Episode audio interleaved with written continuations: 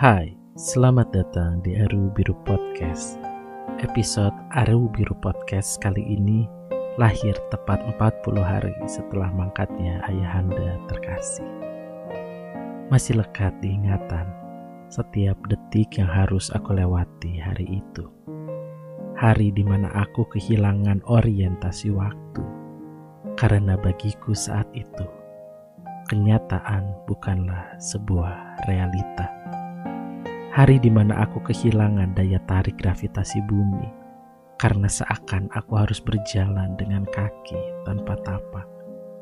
Hari di mana aku melihat sang waktu yang sebelumnya hadir berbuah tangan harapan, kini terduduk diam di pojok ruang ICU rumah sakit yang remang, menyaksikanku kewalahan diperdaya duka cita. Untuk kamu yang pernah mengalami duka karena kematian seseorang yang kamu kasihi, kamu pasti tahu persis apa yang aku bicarakan. Kamu tahu arti yang sesungguhnya dari rasa marah yang bercampur ketidakberdayaan. Kamu tahu arti yang sesungguhnya dari rasa kehilangan dan kesepian yang melahirkan seribu satu pertanyaan.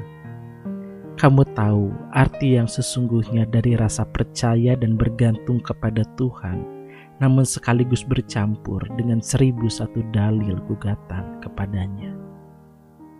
Dan mungkin sama seperti aku, pada hari yang kelam itu, kamu dihujani oleh ratusan atau bahkan ribuan ucapan turut berbela sungkawa, turut berduka cita, ditambah serangkaian kata-kata penguatan. Seakan kata-kata tersebut mampu membuat kamu kuat, tegar, atau bahkan menjadi semangat seketika itu juga. Sebuah harapan yang sepenuhnya semu dan tidak mungkin. Pada hari itu, tidak ada yang dapat kamu dengar selain bisingnya kesunyian dan kehampaan. Pertanyaan yang muncul pada malam-malam selanjutnya adalah mengapa harus ada duka? Mengapa harus ada keterpisahan karena kematian? Mengapa hidup menghadirkan cinta dan kematian menghadirkan pedih serta luka, dan mengapa keduanya berjalan berbanding lurus. Semakin kita mencintai, semakin pedih juga luka karena ditinggalkan. Pertanyaan yang tidak akan pernah mampu dijawab tampaknya, bahkan oleh sang waktu itu sendiri. Tidak ada jawaban yang pasti namun seakan sang waktu berbisik kepadaku melalui gemerisik bunyi hujan pada waktu malam.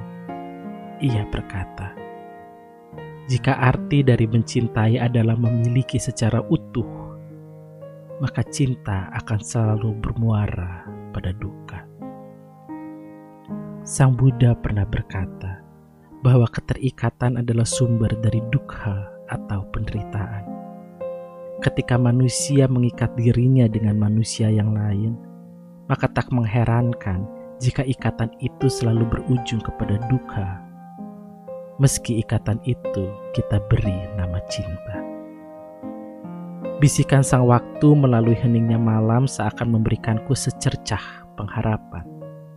Pengharapan yang mengajarkanku bahwa duka, sakit, dan serangkaian pertanyaan tadi lahir dari keterikatan yang sejatinya semu.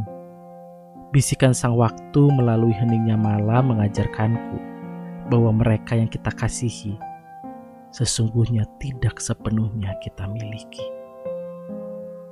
Cinta bukan berarti memiliki secara utuh dan penuh.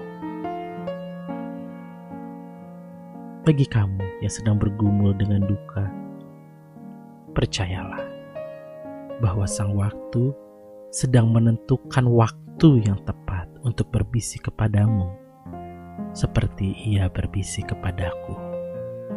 Ia berjanji akan memberikanmu kekuatan untuk melalui duka-dukamu.